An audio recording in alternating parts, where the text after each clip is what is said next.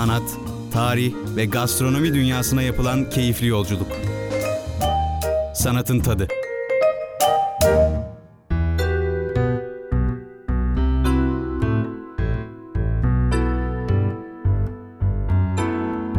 Merhabalar. Yaşar Üniversitesi'nin radyosu Radyo'da Sanatın Tadı adlı programda bir kez daha birlikteyiz. Ben Mehmet Kahyioğlu. Geçen hafta Maruse Catalan'ın duvara yapıştırmış olduğu Komedyen isimli Muz işinde olduğu gibi bu haftaki konumuz da yeme ve içme ile ilgili. Ancak biraz daha dinsel açıdan ele alacağız ve sanatın başat konularından birisi haline gelmiş ilk günah sahnesine dair öyküleri paylaşacağız. İlk günah Adem'le Havva'nın yememeleri gereken bir meyveyi yemeleri üzerine kurgulanmıştır. Öykü Tevrat'ta anlatılmaktadır, Tevrat'ın ilk bölümünde. Buna göre Tanrı dünya yarattıktan sonra önce Adem'i yaratır, çamurdan kendi suretini şekillendirerek ve daha sonra da Adem'in üzerine bir uyku getirerek sol kaburga kemiğini alır, ete kemiğe büründürür ve Havva'yı yaratır. Bu iki kişi cennette yaşayacaklardır. Tanrı Adem'le Havva'nın karşısına sonsuz meyvelerin bulunduğu bir cenneti sunar. Ancak yaklaşmamaları gereken iki ağaç vardır. Daha önce söylediğim gibi. Bir tanesi bilgi ağacı, bir tanesi de sonsuz yaşam ağacı. Ancak yılan bir şekilde Havva'yı kandırır ve bilgi ağacının meyvesini ya da iyiyi ve kötüyü ayırma ağacının meyvesini Havva'ya yedirtir. Havva da Adem'in yemesi için onu ikna eder ve sonuçta ikisi de bir şekilde bilgiye ulaşırlar. Burada kutsal kitapta bu e, bilgiye ulaşma utanma olarak tanımlanmaktadır. Çünkü hem Adem hem Havva çıplaktırlar. Ancak birbirlerinin çıplak olduklarının farkında değildirler ve bu meyve yedikten sonra, bilgiye ulaştıktan sonra bir anda çıplaklıklarının farkına varırlar ve utanırlar. Hemen bir çalının arkasına geçerler. Adem'le Havva'nın yenmemesi gereken bilgi ağacının meyvesini yediğinin farkına varan Tanrı çok sinirlenir. Ve çeşitli cezalar vererek Adem ve Havva'yı cennetten kovar. Havva'nın payına düşen ceza son derece sancılı doğumlardır. Her doğum sancısında bu ilk günahı hatırlayacaktır. Adem'e verilen ceza ise çok rahat bir şekilde yaşayacağı cennetten kovularak artık yemesini, yediğini, içtiğini toprakta çalışarak kazanması gerekliliğidir. Tevrat'a baktığımızda Adem'le Havva ilk yaratılan insanlardır. Ancak iki yerde geçer bu Tevrat'ın tekvin kısmında. İlkinde Tanrı erkek ve dişiyi yarattı diye geçer. Daha sonra da Adem'in ve Havva'nın yaratılışı ayrıntılı bir şekilde anlatılır. Musevi folklorunda şöyle bir öykü vardır. Özellikle İsa'dan sonra 6. 7. yüzyılda yaygınlaşan. Bu da aslında ilk insanın Adem olduğu, ilk kadının da yine çamurdan yaratıldığı üzerinedir. Onun ismi de Lilith'tir. Ancak Adem'e boyun eğmesi gerektiğini söyleyen Tanrı'ya karşı çıkan Lilith, Tanrı tarafından cezalandırılır ve daha sonra cennetten kovulur. Ortaçağ Avrupa folkloründe Lilith kötü bir karakter, bir demon, bir şeytan olarak görülür. Hatta yeni doğan çocukların canını aldığına inanılır. O yüzden de yeni doğan çocukların odalarında tek başına bırakılmaması gerektiğine, yanlarında devam, yanında devamlı bir ışığın ya da bir mumun yanması gerektiğine inanılır. Tevrat'a baktığımızda bu kez daha ayrıntılı olarak Adem'in e, yaratılışının anlatıldığı bölümde öncelikle toprağa, kirli toprak ya da çamuru alır Tanrı ve kendi suretine şekillendirir ve Adem'i yaratır. Daha sonra Adem'in tek başına kalmaması gerektiğine karar vererek üzerine bir uyku verir ve sol kaburga kemiğini alarak onu ete ve kemiğe büründürüp Havva'yı yaratır. Ve Havva'dan Adem'e boyun eğmesini ister. Bu yaratılış sahnesi ve onun hemen arkasından gelen bu bilgi ağacının meyvesini yeme e, olayı sanat dünyasında sıklıkla kullanılmıştır. Bir anlamda ilk günah sahnesi olarak tanımlanan ya da ilk düşüş olarak tanımlanan bu sahne Hristiyan inancında vaftiz gerekliliğini de beraberinde getirmiştir. Çünkü yeni doğan çocuklar bir günah ediminin tohumudur. Bu ilk günahtan arınmak için de vaftiz edilmeleri gerekir. Peki yenilmemesi gereken meyve neden elma olarak betimlenir genellikle Batı sanatında? Çünkü Tevrat'ta meyvenin ismi verilmez. Bununla ilgili iki farklı teori bulunmakta. Bir tanesi Bu bilgi ağacının ismi aynı zamanda iyiliği ve kötülüğü bilme ağacı. İbranice kötülük sözcüğünün bir şekilde Latince ya da Yunanca elma sözcüğüyle benzerliği nedeniyle bir anlamda bu meyvenin ilerleyen zaman içinde elmalaştığı ya da elmanın antik Yunan mitolojisinde aynı zamanda güzellik ve aşk tanrıçası Venüs'le olan ilişkisi üzerine. Bu da ilginç aslında. Bizim topraklarımızda bulunan Troya Savaşı ile ilgili bu antik Yunan'ın mitolojik öyküsü son derece ilginç. Ta Truva Savaşı'na kadar gelen Altın Elma efsanesinde Peleus ve Thetis evlenecektir ve bunun içinde bir düğün düzenlerler. Ve düğüne de bütün tanrılar ve tanrıçalar davetlidir. Peleus ve Thetis'in evlilik törenine davet edilmeyen fitne ve fesat tanrıçası Eris, e, adıyla müsemma bir şekilde düğün sırasında fitne çıkarmak için ortaya üzerinde en güzele yazılı bir altın elma fırlatır. Üç tane tanrıça öne çıkar. Bunların bir tanesi Zeus'un karısı Hera, diğeri Zeus'un başından doğurduğu kızı Athena ve diğeri de güzeller güzeli, güzellik ve aşk tanrıçası Afrodit.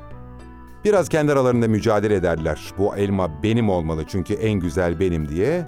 Ama bir türlü paylaşamazlar elmayı. Sonunda Zeus'a giderler. Ve ona derler ki sen seç hangimiz en güzel. Ona göre de bu elmayı ya da altın elmayı o en güzele ver.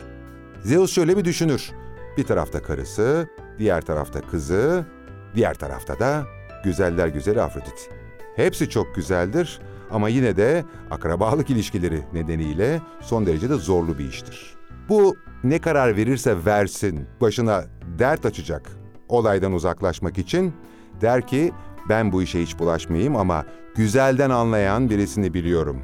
O bu güzellik yarışmasında size jürilik yapabilir deyip Troya e, kentinin prensi Paris'i önerir. Elmayı ulakların tanrısı Hermes'e verip der ki ona al bu elmayı ve bu üç güzel tanrıçayı Paris'i bul, Paris karar versin bunların hangisinin en güzel olduğuna. Paris o sırada prens ama çobanlık yapmaktadır. İda Dağı'nda, Kaz Dağları'nda bir ağacın altında bir sıcak öğleden sonrasında birazcık e, uyuklarken karşısında bir anda üç tane tanrıça ve bir tane tanrıyı görür. Şaşırır tabii ki. Hermes olayı anlatır ve kendisinden hangi tanrıçanın en güzel olduğuna karar vermesini ister. Şöyle bir düşünür Paris. Bu arada Paris düşünürken tanrıçalar da boş durmazlar ve bir anlamda rüşvet olarak tanımlayabileceğimiz bir takım tekliflerde bulunurlar. Athena, bilgelik ve savaş tanrıçası olarak eğer kendisini seçerse Paris'in onun yardımıyla her daim muzaffer bir komutan olacağına söz verir. Hera, başarılı bir komutan ya da e, devlet adamı olacağına dair söz verir. Ancak Afrodit Paris'e döner.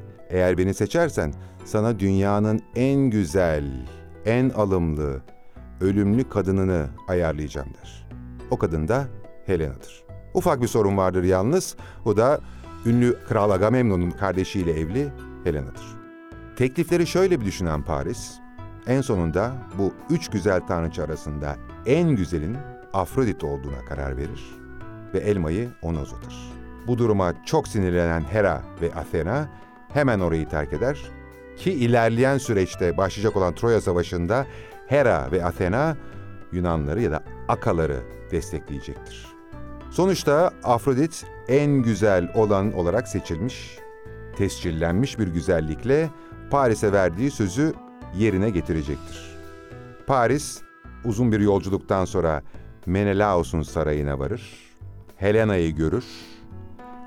İlk görüşte aşk başlar ikisi arasında ve Menelaos'un sarayda olmadığı bir anda Paris Helena'yı da ikna ederek onu kaçırır ve Troya'ya getirir. Saraya döndüğünde hem konuğunu hem eşini bulamayan Menelaos kısa sürede durumu anlar, çok sinirlenir, çok üzülür, aşağılanmış hisseder kendini ve hemen abi Agamemnon'a gider. Artık Truva Savaşı'nın tamtamları çalmaya başlamıştır. Agamemnon böyle bir aşağılanma karşısında bütün etrafındaki beylere haber verir ve bütün akalar toplanır, Truva'ya yelken açacaklardır. Ve gidip Helena'yı Paris'in elinden alacaklardır. Ancak inanılmaz sert bir rüzgar esmektedir. Bir türlü denize açılamazlar. Birinci gün, ikinci gün, üçüncü gün çok uzun bir süre denize açılamazlar. Ve insanlar bu tür doğa olayların tanrısal bir e, özelliği olduğuna inandığı için rahiplere danışmaya karar verirler. Ve daha sonra anlaşılır ki bir av partisi sırasında Agamemnon o vahşi doğanın koruyucu tanrıçası Artemis'in kutsal geyiklerinden bir tanesini öldürmüştür.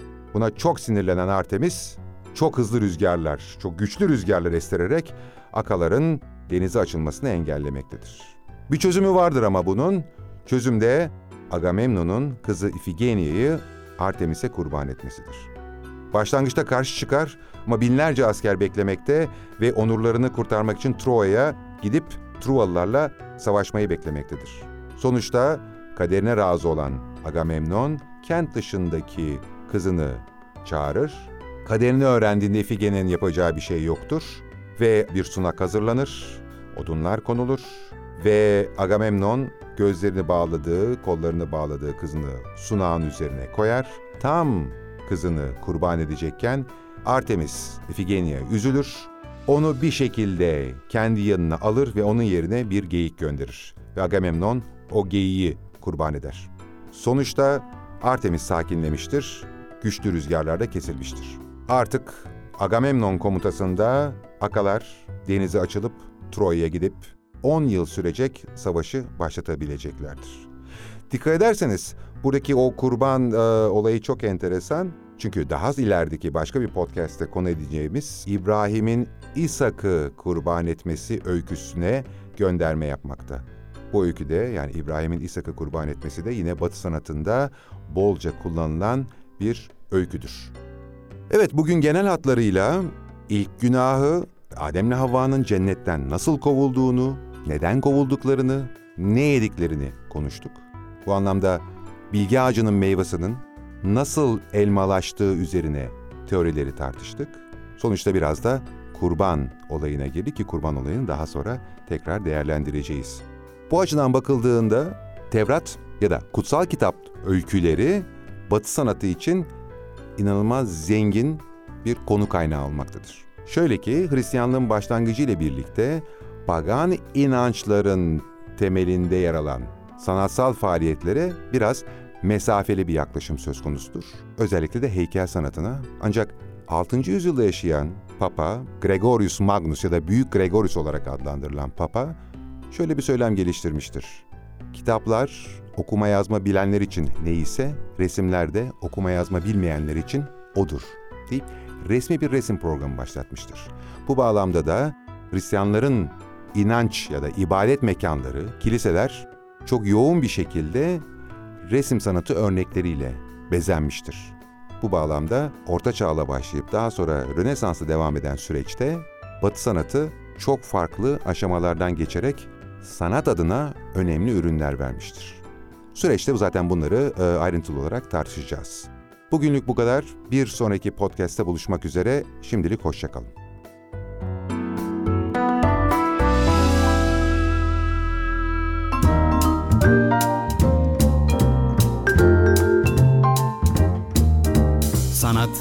Tarih ve gastronomi dünyasına yapılan keyifli yolculuk.